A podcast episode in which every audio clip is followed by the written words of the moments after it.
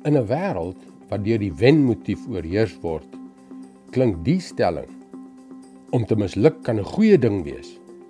Belaglik. En tog deur die geskiedenis van die mensdom het mislukkings karakters geslyp, nasies verander en dit het nog baie, baie meer goeie gevolge gehad. Hallo, ek is Jockey Gouchee namens Bernie Diamond en welkom terug by Vars. Die meeste lande ter wêreld het jaarliks een nasionale dag op hulle kalender om die een of ander oorwinning te vier. Amerika vier onafhanklikheidsdag. Die Britte vier wapenstilstandsdag. Maar op 'n spesiale dag elke jaar doen die Nieu-Seelanders en die Australiërs iets vreemds. Terwyl ander hul oorwinnings vier, herdenk hulle 'n verskriklike nederlaag. Hulle herdenk hoe hulle tydens die Eerste Wêreldoorlog in Turkye op die Gallipoli skiereiland 36000 mense verloor het. Wat 'n vreemde ding om te doen. En tog spreek hierdie verskriklike verlies kragtig tot die geboorte van twee nasionale identiteite. Christene doen eintlik ook 'n vreemde ding. Hulle vier ook 'n vreeslike verlies. Die dood van Jesus aan die kruis.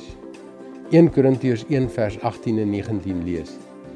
Die boodskap van die kruis van Christus is wel onsin vir die wat verlore gaan. Maar vir ons wat gered word, is dit die krag van God.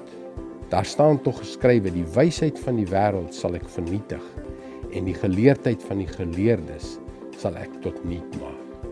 Dit is dwaas om 'n verlies te vier. Maar net soos die verskriklike verlies van Gallipoli die karakter van twee nasies gesmee het, so die kruisiging van Jesus ontelbare siele gered en hulle in ewigheid met hom ingelei.